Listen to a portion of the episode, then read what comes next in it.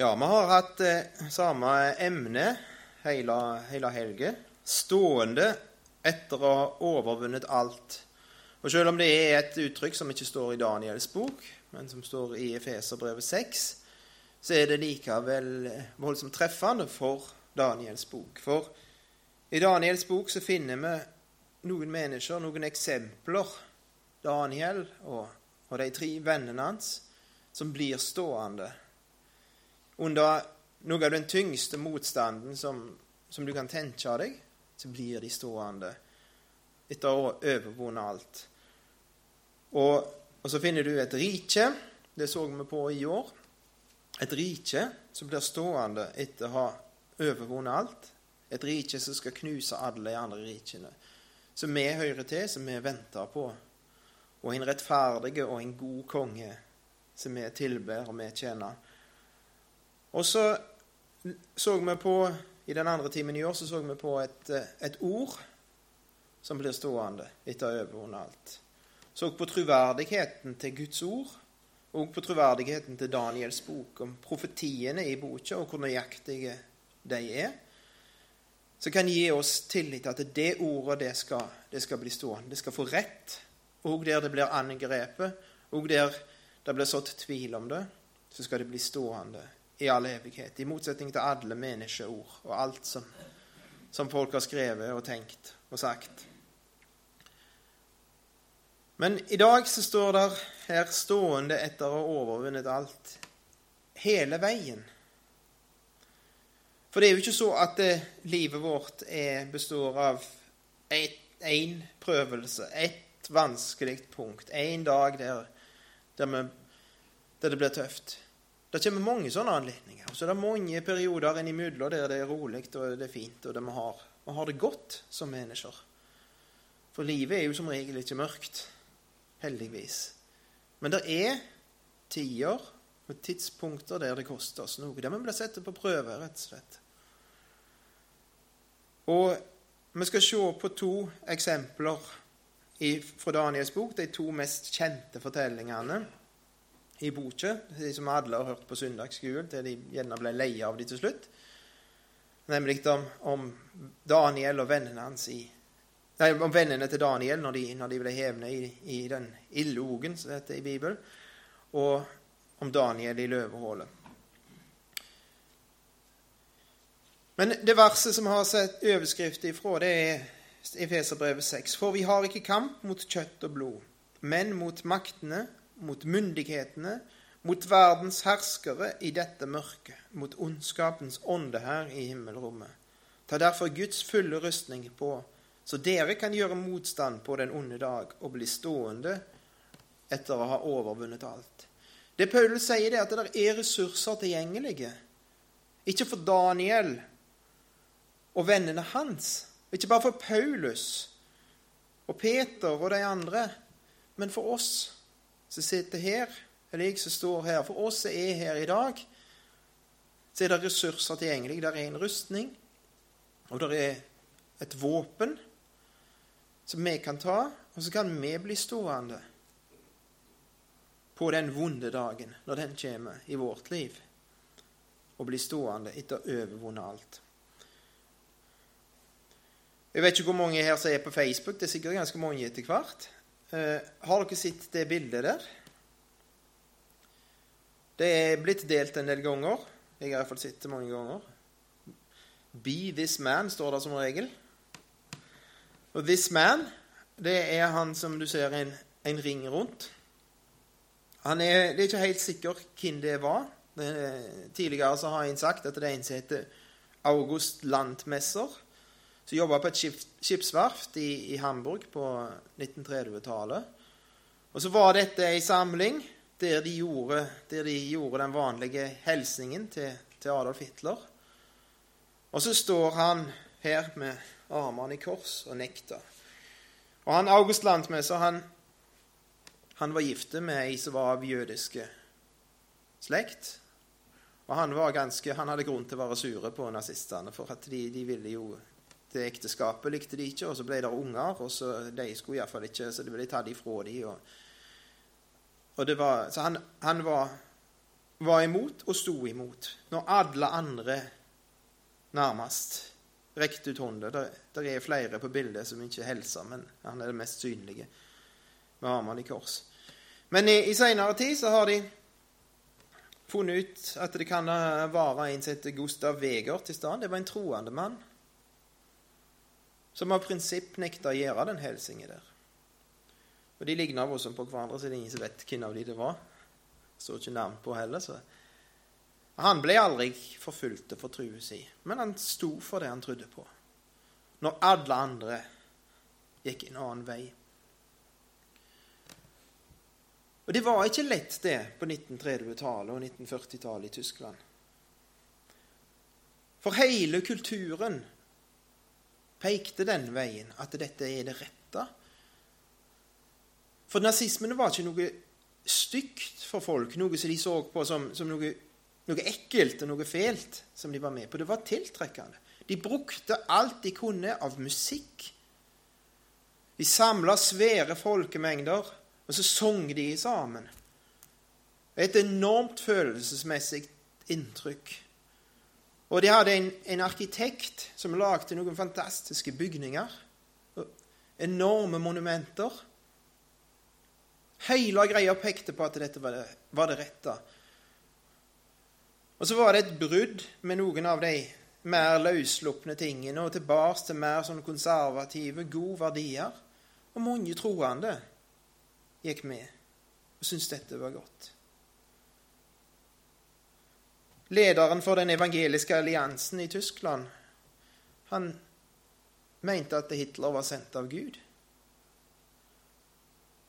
Og Kanskje hun kunne tenkt det. I Daniel 2 så står det at Gud setter inn konger og avsetter konger. Og så er det noen som tenker at Gud innsetter alle konger og avsetter alle konger. Det står der egentlig ikke i det verset. Men det var en av så han tenkte. Og så tenkte han at dette er godt. En annen som gjerne noen av dere har lest bøkene til, som også har skrevet om Daniels bok, en heter Erich Sauer. Han skrev et gratulasjonsbrev til føreren på fødselsdagen. Han så ikke, selv om han kjente Bibelen og kjente profetien og kjente åpenbaringsboken, så ble han lurt av forførelsen. Og mange med han. Så det var et sterke forførelse. Og nå skal vi lese om noen som opplevde det samme. De tre vennene til, til Daniel. Vers kapittel 3 i, i Daniels bok. Kong Nebukadnesar laget en billedstøtte av gull, 60 alen høy og 6 alen bred, og stilte den opp i Duradalen i landskapet Babel. Så sendte kong Nebukadnesar bud til satrapene, stattholderne og landshøvdingene, rådgiverne, skattmestrene, de lovkyndige, dommerne og alle provinsenes styresmenn, og innkalte dem til innvielsen av bildstøtten som kongen hadde reist. Da kom satrapene, stattholderne og landshøvdingene, rådgiverne, skattmestrene, de lovkyndige, dommerne og alle provinsenes styresmenn. Hvorfor, hvorfor rekner han opp dette her gang på gang? Når han skriver. Han akkurat gjentar seg om når du, når du går på skole, iallfall i Norge, så får du beskjed om du skriver en stil, og så gjentar du deg, så får du beskjed om det Det skal du ikke gjøre. Daniel gjør det når han skriver dette. Han gjentar det gang på gang, og du skal høre mer etter hvert. De samlet seg til innvielsen av den billedstøtten kong Nebukadneser hadde reist, og trådte fram for den billedstøtten han hadde stilt opp. Og Herolden ropte med høy røst. La nå denne befalingen være kunngjort for dere, folk og stammer og tungemål. Så snart dere hører lyden av horn, fløyte, sitar, harpe, lutt, sekkepipe og alle andre slags musikkinstrumenter, skal dere falle ned og tilbe gullbildet som kong Nebukadneser har stilt opp. Den som ikke faller ned og tilber, skal i samme stund kastes midt inn i den brennende ildovnen. Så snart nå alle folkene hørte lyden av horn, fløyte, sitar, harpe, lutt og alle andre slags instrumenter, falt alle folk, stammer og tungemål ned og tilba det gullbildet kong Nebukadneser hadde stilt opp. Og gjentatt igjen. Hvorfor det? Jo, for at alt pekte i én retning. Alle de store folk, enten det var skaptmestere eller lovkyndige eller dommere eller styr, Alle som gjaldt for å være noe. Hele intelligensiaen. de var med på dette her. Alle som hadde greia på det. Alle som folk så opp til. Alle som hadde autoritet. De pekte i én retning. Og alt musikken, den klassiske musikken og popmusikken og hva det måtte være, den pekte i samme veien. Og det var en enorm samling av folk som gjorde det samme. Og Jeg har av og til sett Jeg så en film for noen år siden fra en, en, en rockekonsert ute på, på ei slette der det var ei gru med, med, folk. Og så så du hvordan de tre mann som sto på scenen, hvordan de styrte hele gjengen og fikk de til å gjøre det de ville, og alle gjorde det samme. Alle var ett. Og det var den følelsen disse folka hadde. De var ett. De sto i sammen. Og de hadde en stor opplevelse av kunst, av skjønnhet, alle sansene deres ble tilfredsstilte. Og så fikk de beskjed om å bøye dere for dette bildet. For denne autoriteten som er Nebukadneser, et menneske. Bøy dere for han. Tilbe han. Hengi dere til han. Det gjorde de på 30-tallet i Tyskland òg. Og det var vanlige folk, sånn som oss ser her i dag. Det var ikke noe spesielt vondskapsfulle folk. Det var helt vanlige folk som ble revne med, og til og med troende folk ble revne med. Men det var noen her som ble stående. Når alle andre bødde seg ned, så ble de stående. Og de visste at dette kommer til å koste oss livet. Men det var noen verdier noe som de hadde fått med seg hjemmefra, for de var revne vekk fra alt trygt, alt de hadde fra hjemlandet sitt. De var i et fremmed land. De var utdanna i, i den nye nasjonen de kom til. De hadde fått formidla de verdiene som var der, de gudene som var der, alt som var der. Men likevel så hadde de noen verdier som de hadde fått med seg hjemmefra, som sa nei. Det er noe som er mer verdt enn livet mitt. Det er en Gud som fortjener min lojalitet. Og jeg skal ikke bøye meg for noe gullbilde av et menneske eller noen annen skapning. Jeg skal kun bøye meg for Han. Og så ble de stående. Og så kom der noen i vers 8. Men straks etter sto noen kaldeliske menn fram og klaget på jødene. De tok til orde og sa til kong Nebukadnesar, kongen lever evig. Konge, du har gitt befaling om at hvert menneske som hørte lyden av horn, fløyte, sitar, harpe, lutt, sekkepipe og alle andre slags musikkinstrumenter, skulle falle ned og tilbe gullbildet, og at den som ikke falt ned og tilba, skulle kastes i den brennende ildovnen. Men nå er her noen jødiske menn som du har satt til å styre landskapet Babel. Shadrach, Meshach og Abnego. Disse mennene har ikke aktet på ditt bud, konge. De dyrker ikke dine guder, og det gullbildet du har stilt opp, tilber de ikke. Og de ser hvordan de smigrer han og appellerer til han. Du, du konge, du, du, du sa jo dette, og dine guder, de Og så blir Nebukadneser sinte. Da ble Nebukadneser oppbrakt og vred, og bød at Shadrach, Meshach og Abednego skulle bringes til ham. Så ble disse mennene ført fram for kongen. Nebukadnesar tok til orde og sa til dem, Er det med forsett, Shadrach, Meshach og Abnego, at dere ikke dyrker min Gud, og ikke tilber gullbildet jeg har stilt opp? Ja, ja, nå skal dere få en sjanse til. Det kan jo være at dere tok feil. Dere fikk det ikke med. Dere hørte ikke skikkelig. Dere var opptatt med andre ting. Det er jo travelt å jobbe for meg, men nå skal dere få sjansen. Nå vel. Dersom dere, når dere hører lyden av horn, fløyte, sitar, harpe, lutt, sekkepipe og alle andre slags musikkinstrumenter, er rede til å falle ned og tilbe det bildet jeg har gjort, så er alt godt og vel. Men hvis dere ikke tilber det, så skal dere i samme stund kastes i den brennende ildovnen. Og hvem er den Gud som kan frelse dere fra min hånd? Nå må dere tenke dere situasjonen til disse folket. Jeg vet ikke om disse her var var gifte og hadde unger. Var de det, så kan du tenke deg at det er noen sa til dem kvelden før Må du bli stående? Kan du ikke bare bøye deg? Det er jo bare Du kan jo likevel tro på Gud i hjertet ditt. Og stå for det som er sant i hjertet ditt. Det er jo bare kroppen du bøyer. Det er jo bare en, noe du gjør for å være med. Du mener det jo ikke. Eller kanskje kameratene deres sa det til dem.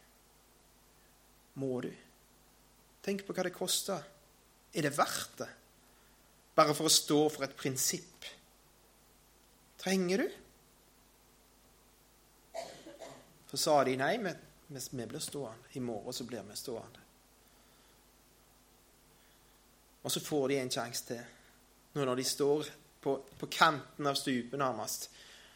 Nå, kan få slippe. Dere trenger ikke dere bare, bare, bare, bøy dere ned. Det går jo fint. Skjer jo ikke noen ting. Alle andre gjør det. Alle andre gjør det jo. Shadrach, Meshach og Abnego tok da til orde og sa til kongen Nebukadneser Vi behøver ikke svare et ord på dette. Vår Gud som vi tjener. Han er mektig til å frelse oss. Hvem er den Gud skal han frelse av mi hånd, sa Nebukadneser. Jo, det er en Gud skal han frelse av di hånd, Nebukadneser. Det er en som står over deg. Du er ikke den største, sier de til verdens mektigste mann. For det var et mot i de. Han kan frelse oss. Men hvis ikke Det er ikke sikkert han gjør det. Det kan hende vi må dø i dag. Det kan hende dette blir vår siste dag her på denne jorda. Men likevel skal du vite det, konge, at vi ikke vil dyrke dine guder eller tilbe det gullbildet du har stilt opp. Det er én som har vår lojalitet. Én en eneste en, og alt annet må vike for det. Og så ble Nebukadneser full av harme, står der, og uttrykket i ansiktet hans forandret seg mot Shadrach, Meshach og Abednego. Han ga befaling om at ovnen skulle gjøres sju ganger hetere enn vanlig. Og han bød noen sterke menn i sin hær og binde Shadrach, Meshach og Abednego og kaste dem inn i den brennende ildovnen. Så ble de bundet i sine kapper, bukser, luer og andre klær og kastet i den brennende ildovnen. Fordi kongens ord var så strengt, og ovnen var blitt så sterkt opphetet, ble de mennene som hadde ført Shadrach, Meshach og Abednego dit opp, drept av ildsluen. Men disse tre mennene, Shadrach, Meshach og Abednego, ble kastet bundet midt inn i den brennende ildovnen. Da ble kong Nebukadneser forferdet og reiste seg brått opp. Han tok til orde og sa til sine rådsherrer, kastet vi ikke tre menn, bundet, inn i ilden? De svarte kongen, jo visst, konge. Han tok da igjen til orde og sa, men jeg ser fire menn som går løs omkring midt inne i ilden, og det er ingen skade å se på dem, og den fjerde ser ut som en gudesønn. Det var noe som brant opp. Klærne deres brant ikke opp. De brant ikke opp, men som mange har påpekt, det var noe som brant opp.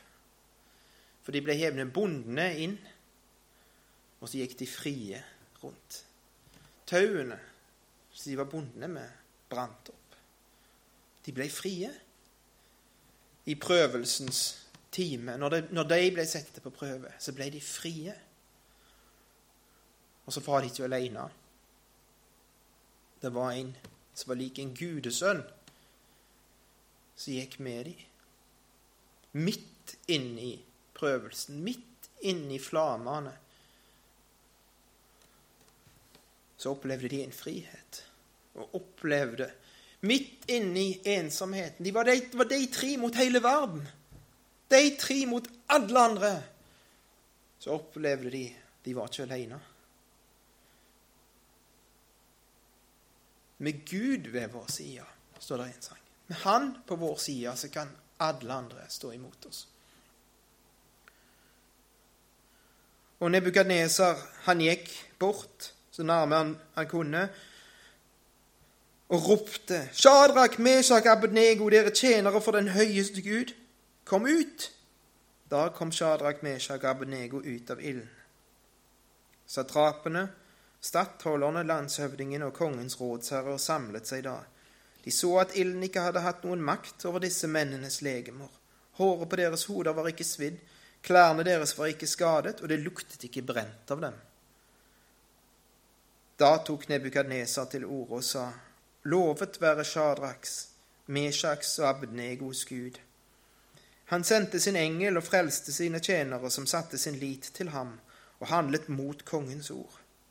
Han prisa Gud for at de var ulydige mot han, det som hadde fått han til å bli rasende for ikke så lenge siden. De våget sitt liv for ikke å dyrke eller tilbe noen annen gud enn sin egen gud. Derfor gir jeg nå denne befalingen, at den som i sine ord forser seg mot Shadraks, Meshaks, Abudnegos gud, hva folk eller stamme eller tungemål han så tilhører, han skal hogges i stykker, og hans hus skal gjøres til en skraphaug, for det finnes ingen annen Gud som makter å frelse slik. Og kongen ga Shadrach, Meshach og Abednego ære og makt i landskapet Babel. Så verdens mektigste mann, når han så hva som skjedde med disse, så, der, så fikk han et annet syn på virkeligheten. Han så at det er en som står over meg. Det er en Gud som står over meg og de gudene jeg tilber. Det er en høyeste Gud, en sanne Gud.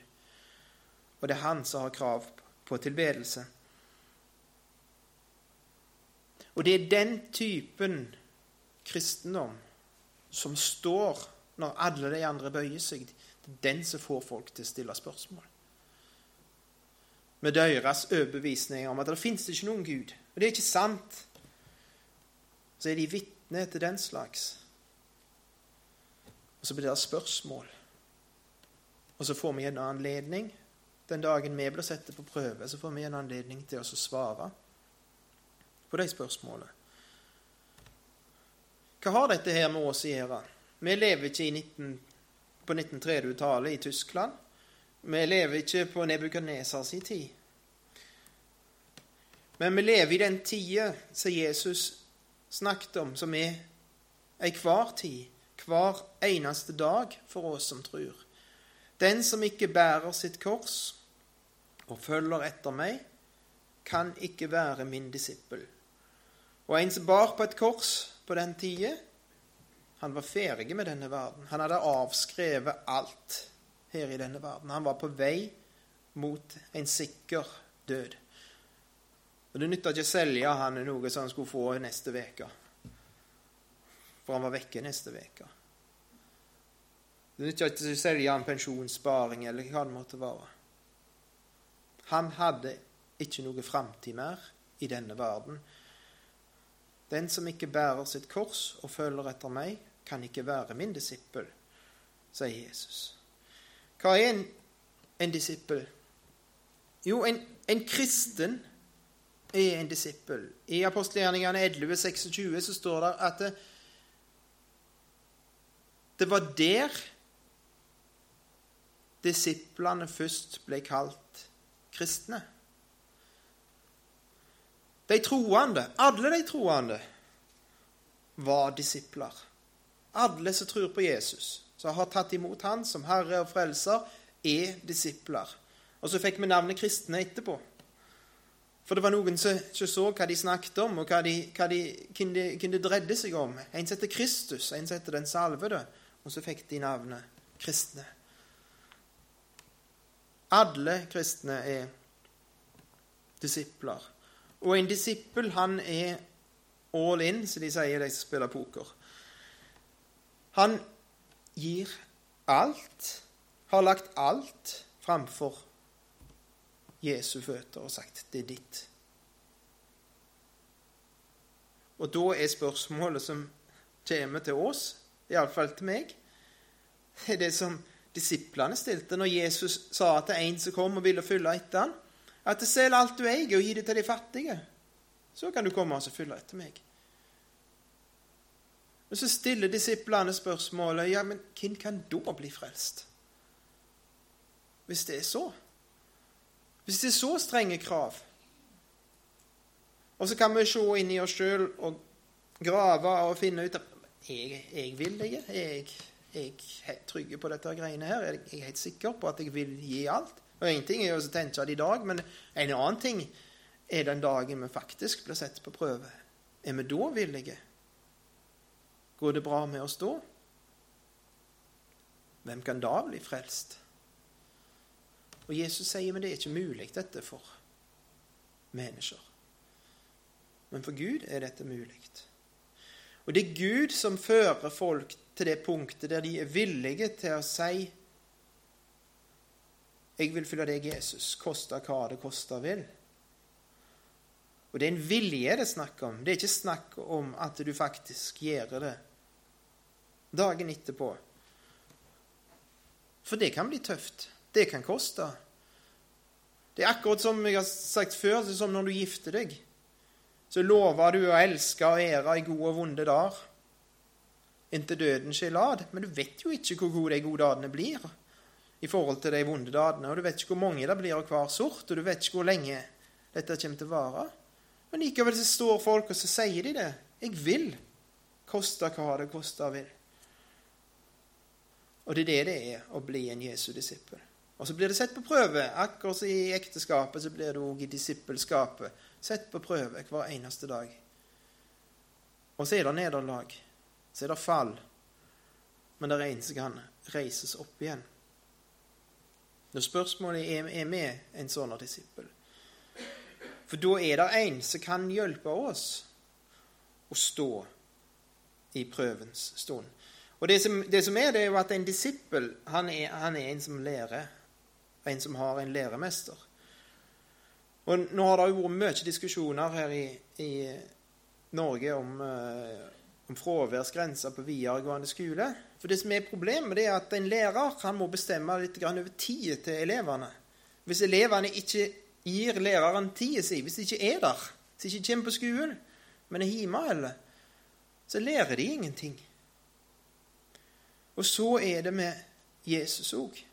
Med vår Herre, vår Mester. Han må få disponere tida vår. Vi kan ikke gi tida vår til alt mulig annet hvis vi vil lære av Han. Og det er iallfall der kampen står for min del. For det er så mange andre ting som vil ha tida mi. Ting som ikke er nødvendige. Ting som er bare underholdning og avslapping og som vinner over han som skulle hatt tid i meg, sånn at han kunne fått lært meg noe. Sånn at vi kan slippe den dagen det blir sånne tider i vårt liv. For det kan skje at det blir sånne tider i vårt liv. Så det var på 1930-tallet i Tyskland. Og det var noen der òg som ble stående etter å ha overvunnet alt. Men noen så det, at dette er ikke rett. Dette kan ikke jeg som kristen være med på. Og måtte, noen av dem måtte bøte med livet for det. For de hadde vært i timene. De hadde fulgt med i timen. De var til stede. Og det gjelder for oss òg. Og så er det så at eh, det er ikke sånn at alle blir prøvd på samme måten. At det er samme tidspunktet det skjer for alle. Daniel, hvor var han henne når, når, når de andre ble hevet i denne brennende ogen? Hvor, var han? Og Det er mange som har tenkt på det, og mange som har tenkt at en av Daniel var en av de som bødde seg. Han blir ikke beskrevet så. Det er ikke en sånn når du møter når du møter Daniel i Daniels bok, og heller ikke når du leser om han som han ble beskrevet i profeten Esekiel. En rettferdig mann. Men det er ikke sikkert Daniel var der akkurat da. Det står i, i slutten på kapittel 2 så står det at Daniel var med hoffet til Nebukadneser.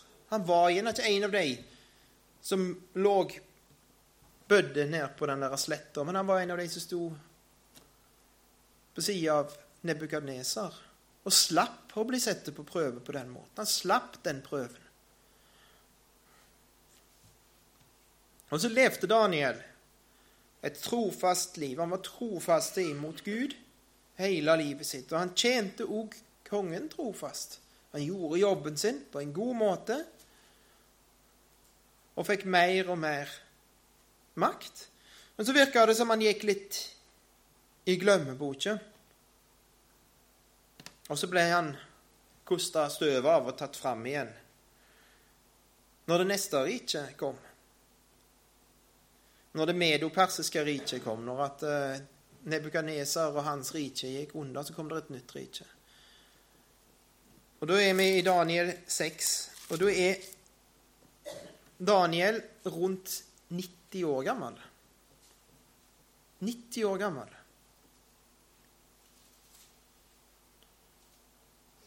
Og så blir han satt på prøve. Så får han valget. Hva vil du gjøre? Hva vil du velge? Vil du velge livet ditt, eller vil du velge den Gud som du tilber? Mederen Darius overtok riket da han var 62 år gammel. Darius besluttet å sette 120 satraper over riket. De skulle bo omkring i hele riket. Over dem satt han tre riksråder, og Daniel var en av dem. Det er ganske høyt oppe i systemet, dette. Og det går an å være ganske høyt oppe i systemet og likevel være trofaste mot Gud. Og ikke bøye av. Det går an. Daniel utmerket seg fremfor riksrådene og satrapene fordi det var en høy ånd i han. Derfor tenkte kongen på å sette ham over hele riket. Da skulle han bli den som styrte, så skulle Darius da slappe av litt og nyte av livet, mens noen andre tok seg av jobben. Han skulle delegere dette til Daniel. Og da ble det misunnelse. Da prøvde riksrådene og satrapene å finne noe å anklage Daniel for når det gjaldt riksstyret. De måtte finne en eller annen feil som han hadde gjort, et eller annet han hadde gjort gale. At han hadde stukket unna noe penger eller lurt seg til noen fordeler eller noe metoo-greier eller hva det måtte være. De måtte finne et eller annet på Daniel. Noe de kunne ta han på. Og det er det tydeligvis på de som sitter høyt på strå i dag. Det er jo nesten ikke et eneste politisk parti som ikke har noen høyt oppe som det er blitt funnet noen alvorlige ting hos. Bare noen leter.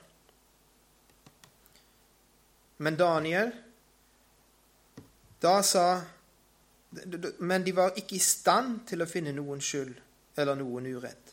For han var tro, og det fantes ingen forsømmelse eller forseelse hos ham.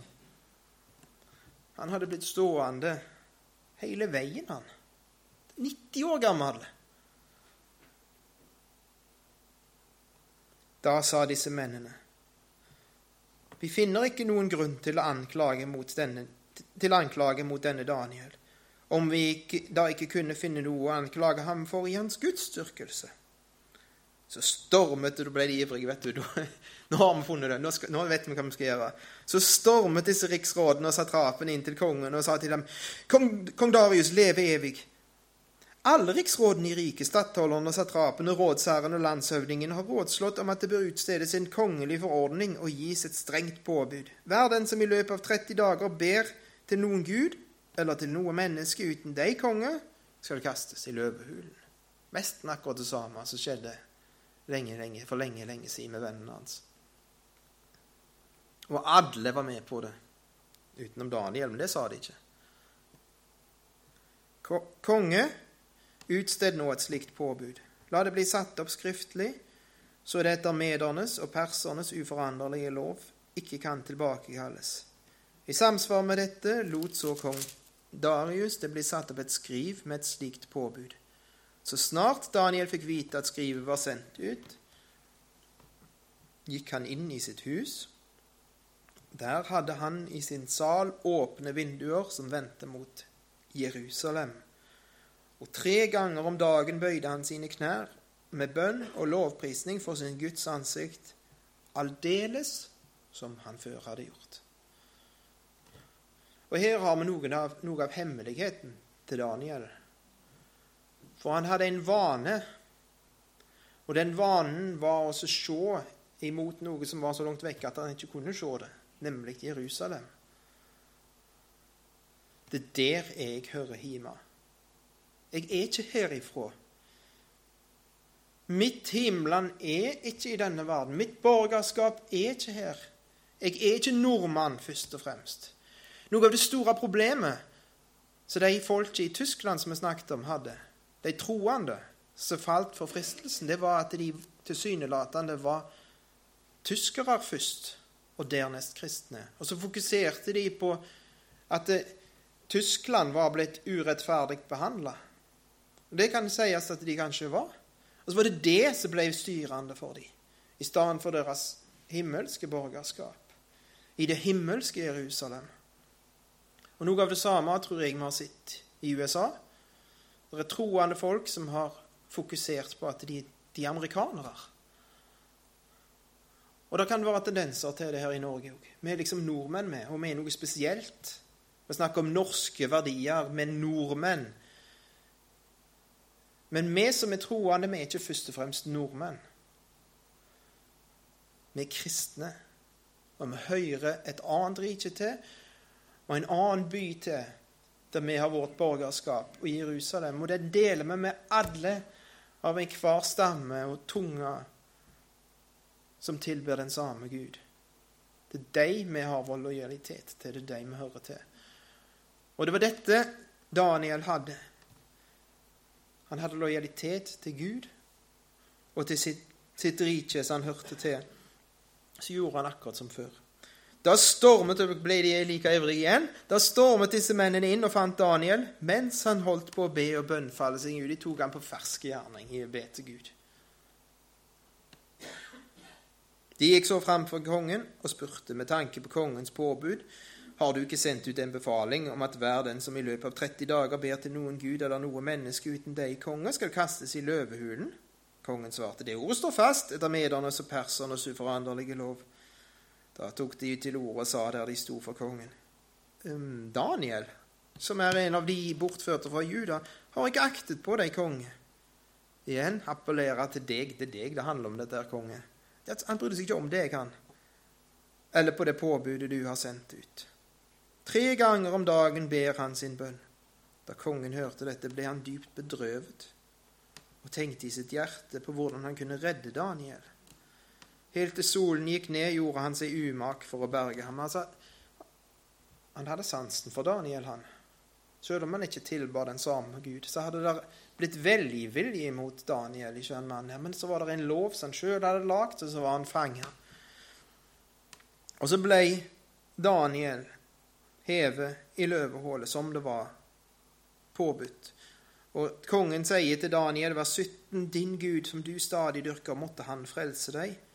Så la de en stein over, ble forsegla med kongens eget segl. Her kunne det ikke jukses med noen, at noen skulle komme og befri Daniel ifra den sikre død.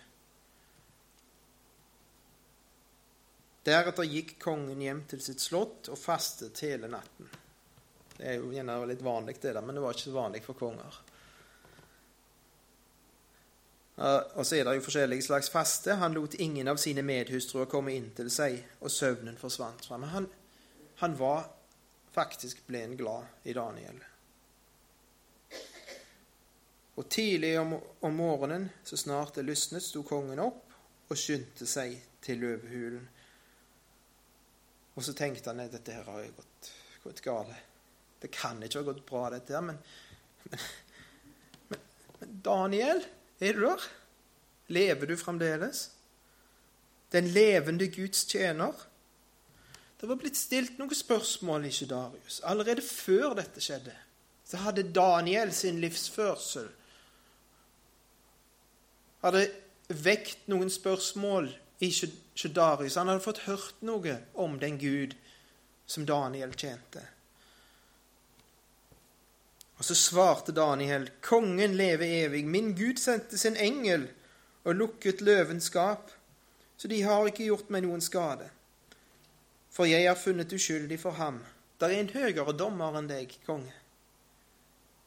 Og han har dømt i denne saken, og han har bestemt at jeg er uskyldig. Jeg er frifunnet. Og heller ikke mot deg, konge, har jeg gjort noe galt. Kongen ble da overmåte glad og befalte at Daniel skulle dras opp av hulen. Og Daniel var dratt opp av hulen. Og da Daniel var dratt opp av hulen, fantes det ingen skade på ham, fordi han hadde trodd på sin Gud. Da befalte kongen at de mennene som hadde anklaget Daniel, skulle hentes. De ble kastet i løvehulen sammen med sine koner og barn. Det er grusomme folk vi snakker om her.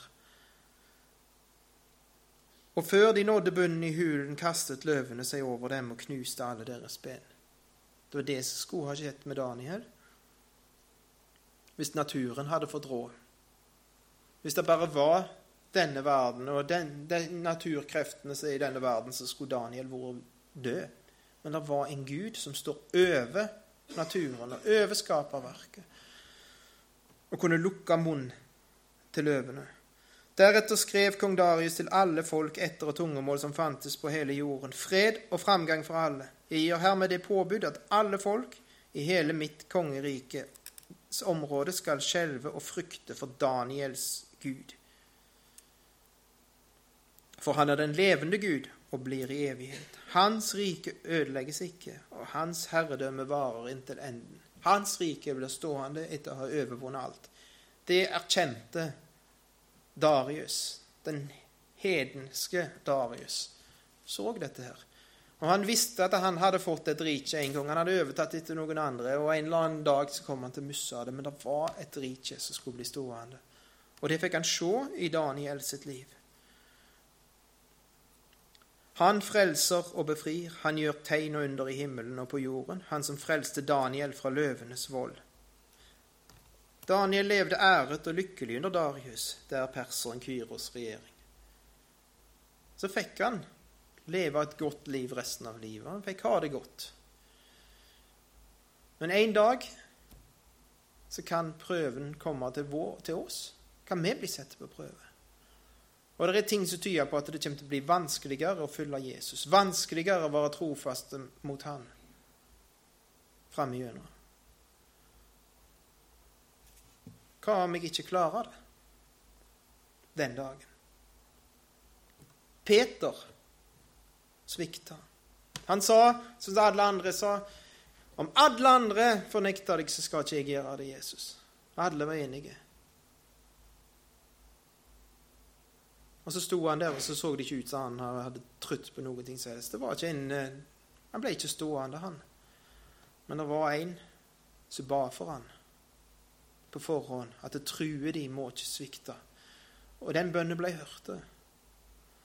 Og han ble stående på tross av fallet. På tross av at han svikta, så var det en som holdt han oppe. Og gjenreiste han.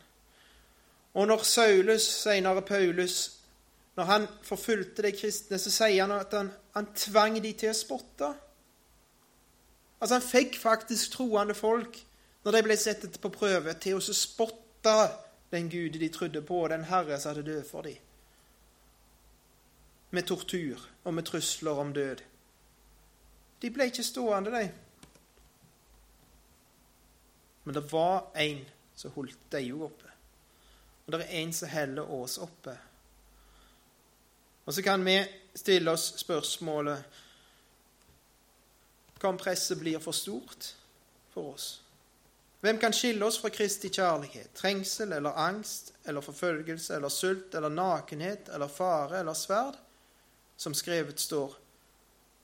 For din skyld drepes vi hele dagen, vil bli regnet som slaktefår.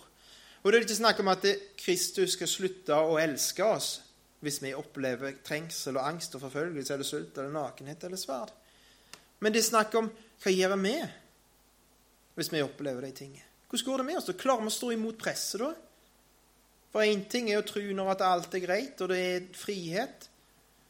Men hvis vi opplever noe av dette her, kommer vi til å klare å bli stående? Vi kommer ikke til å klare det, men han klarer det. Men i alt dette vinner vi mer enn seier ved Ham som elsket oss. For jeg er viss på at verken død eller liv, verken engler eller krefter, verken det som nå er eller det som komme skal, eller noen makt, verken høyde eller dybde eller noen annen skapning skal kunne skille oss fra Guds kjærlighet i Kristus Jesus, vår Herre. Det er en som skal helle oss oppe. og Vi kan se imot framtida, så kan vi se gjennom mørke skyer, men så skal vi vite vi er trygge. Det er en som bærer oss. Vi har en god hyrde. Jeg takker deg, far, for at du er en mektig Gud, en Gud som står over alt i denne verden. Og må du bygge en karakter i oss. Hjelp oss til å møte opp på skolen. At vi får en karakter som gjør at vi kan bli stående når alle andre detter rundt oss, bøyer seg. Så står vi.